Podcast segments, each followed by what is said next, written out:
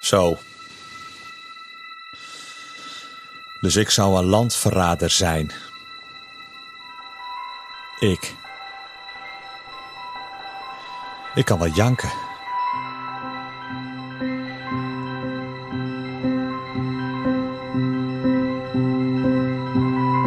In de jaren 1672 en 1673 werd Utrecht bezet door het Franse leger van koning Lodewijk XIV. Deze korte maar indrukwekkende periode bracht veel teweeg bij de verschillende bewoners van de stad en provincie Utrecht. Hoe was het voor de boeren op het platteland?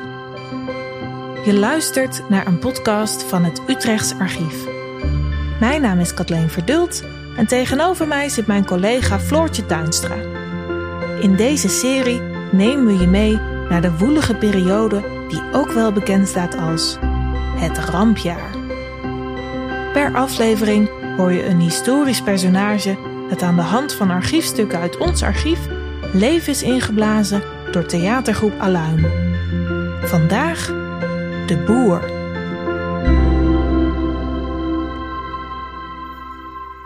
Moet je dit zien? Dit is ons huis. Dit zijn onze stallen. Dit is onze broodwinning. Hier leven we van. Kapot. Allemaal kapot. We moeten helemaal opnieuw beginnen. En ik weet niet of ik dat wel wil. Als bij elke oorlog de hele boel onder water wordt gezet, dan heeft het geen zin. Dan kan ik maar beter ander werk gaan zoeken. Maar wat dan? Hè? Ik kan niks anders. Dit huis staat hier al honderd jaar. Of stond, beter gezegd. De muren houden niet lang meer. Mijn overgrootvader heeft ze met eigen handen gebouwd. Ik ben de vierde generatie. En de laatste. Zo te zien.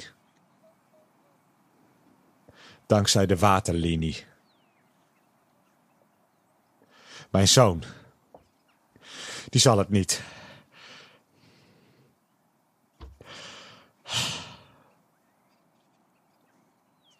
Leven de prins.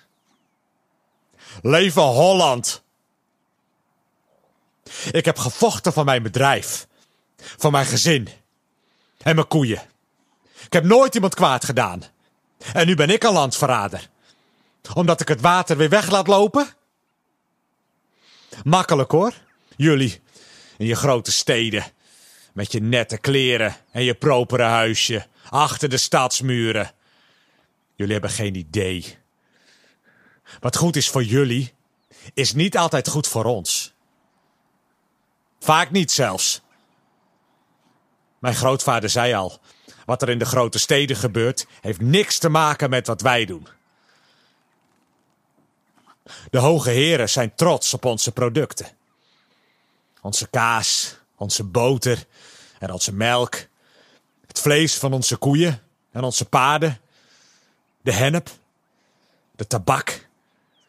Alles wat het land ons brengt. Maar ze hebben geen idee hoe het werkt. Ze komen hier nooit. Ze komen nooit kijken naar de gewassen bij een overstroming of een storm. Ze komen nooit kijken als de koeien ziek worden. Ze komen nooit kijken. Ik denk wel eens: een boer is geen Hollander. Een boer heeft geen vlag. Een boer is een boer. En die staat net zo ver af van de Franse koning als van de Nederlandse prins. Maar van ons is het land. De grond. Dus daar heb je met je poten vanaf te blijven.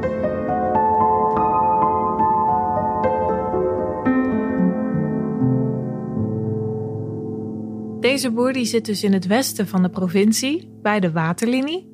Wat was die waterlinie ook alweer? Uh, ja, nou ja, sterker nog, hij zit eigenlijk in de waterlinie, uh, midden in het gebied. Uh, ja, de waterlinie was een uh, verdedigingswerk, een heel groot aan een, een systeem eigenlijk, van onder water gezette gebieden. En waar je dus tot die kniediepte het water had staan. eh, zodat je er niet met een boot kon varen, maar dat je er ook niet met een paard of zo doorheen kon.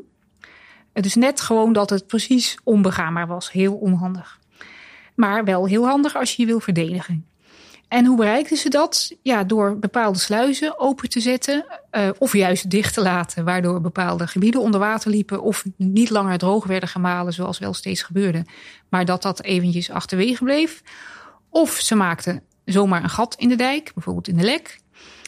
Of je liet de molens, zoals we in Ameide deden, uh, de andere kant opdraaien, zodat je een bepaalde polder niet meer droog uh, houdt. En dat alles om te zorgen dat de Fransen dus niet verder konden. En dat lukte, want ze kwamen dus niet verder dan Utrecht. Konden niet doorstoten naar Amsterdam of Den Haag. Want eigenlijk heel het westen van Utrecht zat dus onder water. Ja, um, zeg maar het huidige Utrechts grondgebied, wat deels ook wel uh, op dat moment nog Hollands was. Uh, bijvoorbeeld de Lopikerwaard of Vijfherenlanden en ook de veengebieden ten noorden van Woerden tot aan Apkoude en ja, ten oosten van de Vecht. Dat stond allemaal onder water. En dat is verschrikkelijk voor een boer die daar gewoon zijn land heeft liggen. Precies. Kwamen die dan ook niet in opstand? Ja, dat deden ze. Dat deden ze. En dan niet alleen in Utrecht, maar ook in uh, Holland zelf. Um, want niet alleen kwam hun land daardoor onder water te staan, waardoor ze eh, ja, niks meer konden verbouwen of hun koeien. Nou ja. Uh, ze moesten ook nog eens helpen. Want zo'n waterlinie heb je ook niet zomaar snel voor elkaar. Er moeten ook allerlei graafwerkzaamheden worden verricht. Ze moesten helpen hun eigen land onder water te ja, zetten. daar kwam het eigenlijk op neer. En verschillende malen weigerden ze dat. Sterker nog, um, in Schoonhoven dreigden ze de stad Schoonhoven in brand te steken. Als het nog verder zo zou doorgaan. De boeren zelf? De boeren zelf. Hun eigen zeg maar, stad bij hen in de buurt. En in Gouda was het stadsbestuur ook wel, uh, zat een beetje in de piepzak voor die woedende boeren. Dus die hebben toch maar niet een sluis opengezet waarvan legeraanvoerder Willem III had gezegd dat hij wel open moest. En ook in Gorinchem werden de poorten en de sluizen bezet door allemaal boze boeren. Als ze netjes meehielpen, of gedwongen meehielpen, dan werden ze s'nachts, uh, gingen ze precies het tegenovergestelde doen. Bijvoorbeeld uh, de boel weer leeg laten lopen. Dus het schoot in het begin niet op. Uiteindelijk heeft Willem III, de legeraanvoerder, gedreigd met de doodstraf voor iedereen die nog langer de waterlinie zou saboteren. Dus uh, uiteindelijk kwam toch uh, een heel groot deel onder water te staan. Dus de boeren die bleven met de gebakken peren zitten. Ja. Een land onder water. Zeker. En daar kan je dan uh, heel lang niks meer mee. Dus ook als het water eenmaal weer weg is, als je weer in een normale situatie zit, voordat je het land dan weer kan gebruiken, ja, ben je zo maanden verder. En dat geldt nog sterker als je in het noorden zit, waar je uh, onder water bent gezet met water uit de Zuiderzee. Hè, die was toen nog zout, de, het huidige IJsselmeer. Dan wanneer je aan de lek zat, waar zoetwater uh, uitkwam. Klinkt eigenlijk allemaal een beetje actueel, hè? Ja, het is een beetje het, het geval van. Uh, ja, ik moet wel denken aan bijvoorbeeld in 2019 hadden we die stikstofproblematiek. Als je daar uh, uit dit verhaal van deze boer het woord Fransen vervangt door milieuvervuiling en het woord uh, waterlinie door stikstofmaatregelen, uh, dan uh, kan je hetzelfde verhaal gewoon precies vertellen. Boeren die in opstand komen vervolgens. Ja, ja, ja. dus het is een beetje van ja, wat goed is voor het nut van het algemeen, uh, hoeft dat nog helemaal niet voor het individu te zijn, of kan zelfs desastreus ja, voor, het, voor je voortbestaan zijn. Dus het voelt wel heel dichtbij, zeker. Ja. Veel tegengestelde belangen dus. Ja, ja. en in 1672 uh, had je bij die waterlinie ook de tegenstelling tussen bijvoorbeeld de belangen van Utrecht of van Holland. Want Utrecht had vanaf begin af aan niet heel veel zin om mee te werken. Wat op zich wel logisch was, omdat natuurlijk een deel van Utrecht, uh, ze kan helemaal niet profiteren van de waterlinie omdat ze te hoog liggen. Dus daarbij Amersfoort of Amerongen of zo. Op de Heuvelrug heb je er niet zoveel aan. En het westen van de provincie, ja, dat staat dan, heeft er vooral last van, staat onder water en het beschermt Holland. Uh, dus heel veel zin om eraan mee te werken hebben ze toch ook niet, want het is toch een dilemma voor een provinciebestuur van wat is nou in het belang van onze inwoners en wat niet. En uh, ja, Hollanders die vonden dan, nou die Utrechters, daar heb je ook niks aan. Uh, we kunnen het misschien maar beter zelf oplossen, dat we Utrecht niet meer nodig hebben. En zo verschijnt er een pamflet. En dat begint zo. Is een plan om Holland bij gelegenheid onwinbaar te kunnen maken. dat het zouden wezen als een stad of de eiland, om de vijand daarin niet meer te vrezen, nog ook geen krijgsvolk meer van nodig te hebben. Dus je hebt ook geen soldaten meer nodig. Om de landen aan de zijde van Utrecht en Naarden onder water te kunnen zetten, zonder Holland daarmee te beschadigen. En als je dat dan gaat lezen, het is een vrij lang pamflet, blijkt dat ze een heel grote strook eigenlijk door Utrecht helemaal onder water willen zetten. Met onder andere als argument, ja, en daar willen dan onze boeren wel aan meewerken, want als dat eenmaal is gelukt, dan hebben die ook nergens meer wat van te vrezen. Want dan zijn we een soort eilandje en uh, nou, dan hebben we alles zelf in de hand. Maar ze gaan in sommige dingen zo ver dat je je gaat afvragen: is dit nou serieus bedoeld door een Hollander geschreven? Of is dit misschien door een Utrechter geschreven om even aan te dikken wat voor soort absurde ideeën er in Holland leven en dat Holland eigenlijk alleen maar aan zichzelf denkt? Het klinkt namelijk best wel belachelijk inderdaad dat er een gigantische strook water tussen Holland en Utrecht moet komen te liggen, maar dan wel op het grondgebied van Utrecht, zodat Holland een leuk eilandje wordt. Ja. Het zou ook satire kunnen zijn. Ja, ja, en wat het nou echt is, daar ben ik nog niet helemaal achter.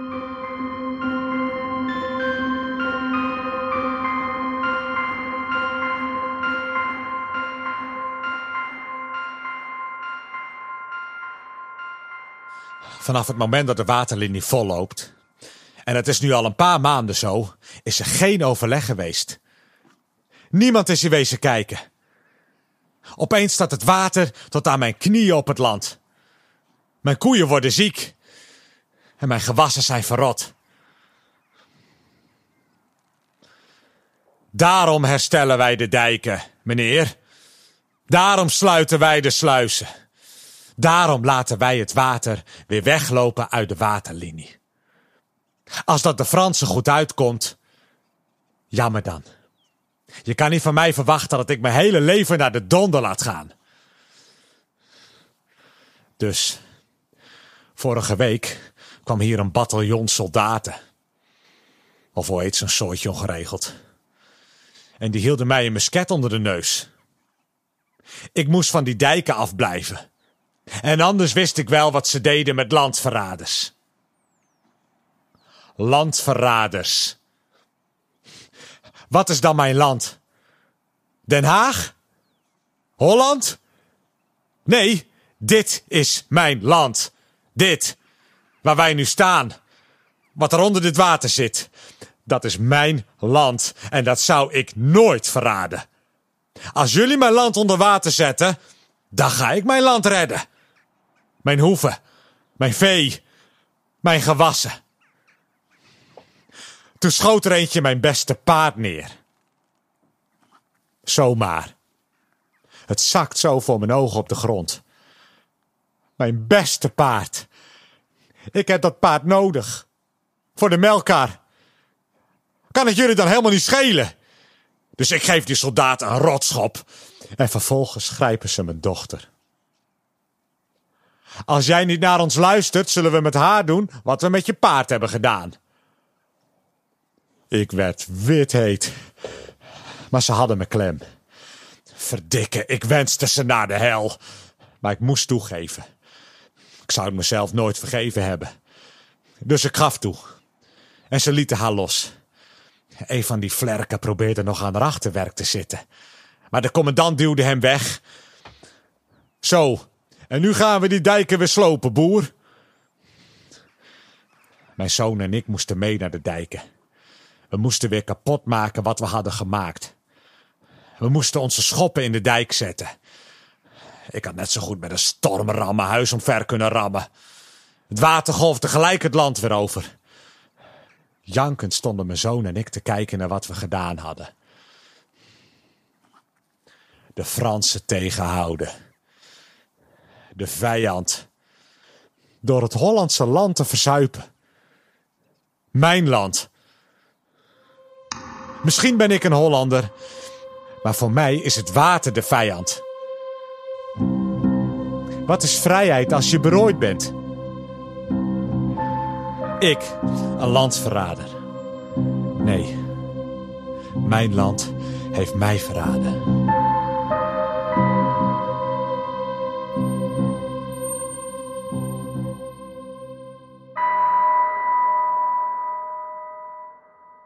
Ook in het oosten van de provincie hadden die plattelandbewoners het zwaar.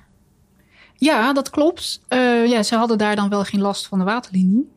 Um, maar wel veel last van geweld van de Franse soldaten. Want het was zo dat in de steden ging die bezetting meestal zonder veel geweld. Dus uh, ze moesten daar wel van die schattingen opbrengen. En de soldaten zaten ingekwartierd. Dat was allemaal gereguleerd. Maar het platteland was eigenlijk vogelvrij. Dus de dorpen lagen buiten de muren er een beetje weerloos bij. En vanuit de steden of vanuit ruiterkampen die daar dan bij Soest en Eemnes in de buurt lagen, ondernamen de Fransen regelmatig strooptochten. En daarbij was het ze vooral om de oogst te doen of om vee. Uh, dus daar hadden ze echt uh, behoorlijk last van. En nou is er uh, een Utrechtse regentenzoon, Everhard Boot, en die heeft een dagboek bijgehouden. En die beschrijft af en toe de lotgevallen van die dorpen daar in het oosten. En hij heeft het over Eemnest, Soest, Baarn, Doorn, Amerongen en Nederlandbroek. Nederlangbroek. En daar legt hij uit dat ergens in de zomer 1673... Uh, daar is de ruiterij, dus de Franse ruiterij... opgebroken uit de dorpen van Eemnest, Soest, Baarn, Eembrug en daaromtrent. Dus Eembrugge. En de bovengenoemde dorpen en kontrijen zijn zodanig geruineerd... dat nog mens, nog beest ook enige boekwijd rogge of havergarf, dus een schoof, meer te vinden is. Ik laat staan enig hooi. Alle boerenwagens, karren, paarden, koeien en schapen die ze hebben kunnen bekomen, hebben ze geroofd en meegenomen. En de ploegen, eggen, melkvaten en de andere boerengereedschap niet alleen, maar ook alle staakettingen, dus van de koeien, planken van de schaapskooien, schuren, bergen, achterhuizen en alles wat droog hout was verbrand en vernield. Ook zelfs veel huizen, vensters en deuren, glazen en lood afgenomen. En dan vertelt hij verder: eh, de boeren, uitgeschud zijnde, hebben zichzelf in veiligheid gebracht in de nabije steden. En dan uh, is er een kennis van hem, de heer van Broekhuizen. Die is in Amerongen geweest en in Doorn. En die zegt dat hij nergens boer nog beest hadden vernomen. En er bevonden alle huizen, deuren, vensters en kassen open. En het meest aan stukken. Zodat ons sticht, dat is Utrecht, van een paradijs in een woestijn is veranderd. Nou, dat dagboek dat vertelt prachtig over de verschrikkelijke schade die is aangericht door de Fransen. Hebben we nog meer bronnen in het archief die daarover vertellen? Ja, ja. In diverse stads- en dorpsarchieven die we bewaren bij ons in het archief, um, daar zijn uh, briefjes te vinden, schadebriefjes noemen we die, uh, waarin mensen bij het stadsbestuur uh, ja, ter indicatie aangeven wat ze voor schade hebben. En daar hopen ze natuurlijk een soort van schadevergoeding voor te krijgen.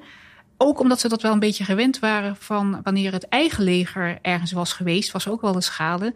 En dan was het wel, had je kans dat je de schade kon, vergoed kon krijgen. En waarschijnlijk hoopten ze dat dat in dit geval ook zo zou zijn. Maar hier zegt bijvoorbeeld iemand: uh, Schout Scheuderoord. Ik maak aan u bekend de schade die aan mij is geschied vanwege de vijf morgenland die ik in huur heb. Daar ben en vijf koeien afgehaald, die ik waardeer op 200 gulden. Eén morgen, dat is een oppervlaktemaat, had ik laten bezaaien met erten. En er staat dan in het briefje arretten. Ik dacht arretten, oh ja, erten. Die waardeer ik op 50 gulden. Johannes Bakker. En dan is er nog iemand. Schade die ik, Gerrit Jansen Peek, geleden heb van de Fransen door het afbreken en verbranden van huis en bakshuis en schuur en hooiberg, schaaps- en varkenshok en het afbreken van tuinen en bomen en boomvruchten. 3600 gulden.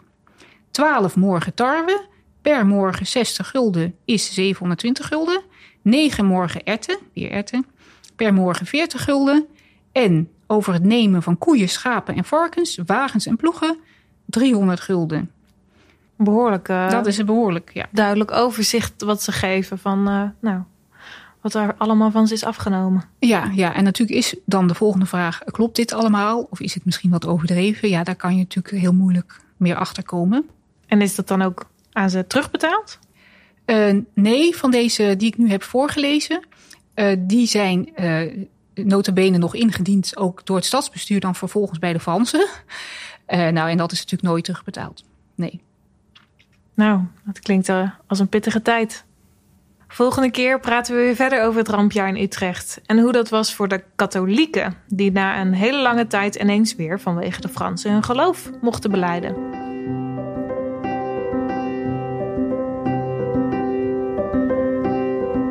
Je luisterde naar een podcast van het Utrechts Archief. De research is gedaan door Floortje Tuinstra, die onderzoek deed in de brieven, dagboekaantekeningen en pamfletten die worden bewaard in ons archief. De verhalen van de historische personages zijn geschreven door theatermaker Erik Snel van theatergroep Aluin. De rol van de boer werd vertolkt door acteur Klaas Postmus. De muziek die je hoort is gemaakt door Martijn Smit. Hij is ook verantwoordelijk voor de montage. En de mixage is gedaan door Daan Kandelaars. Tot en met 3 januari 2021 zijn de verhalen die je hoort ook nog te ervaren in de expo Rampjaar 1672-1673 op de Hamburgerstraat 28 te Utrecht. Vond je dit een leuke podcast?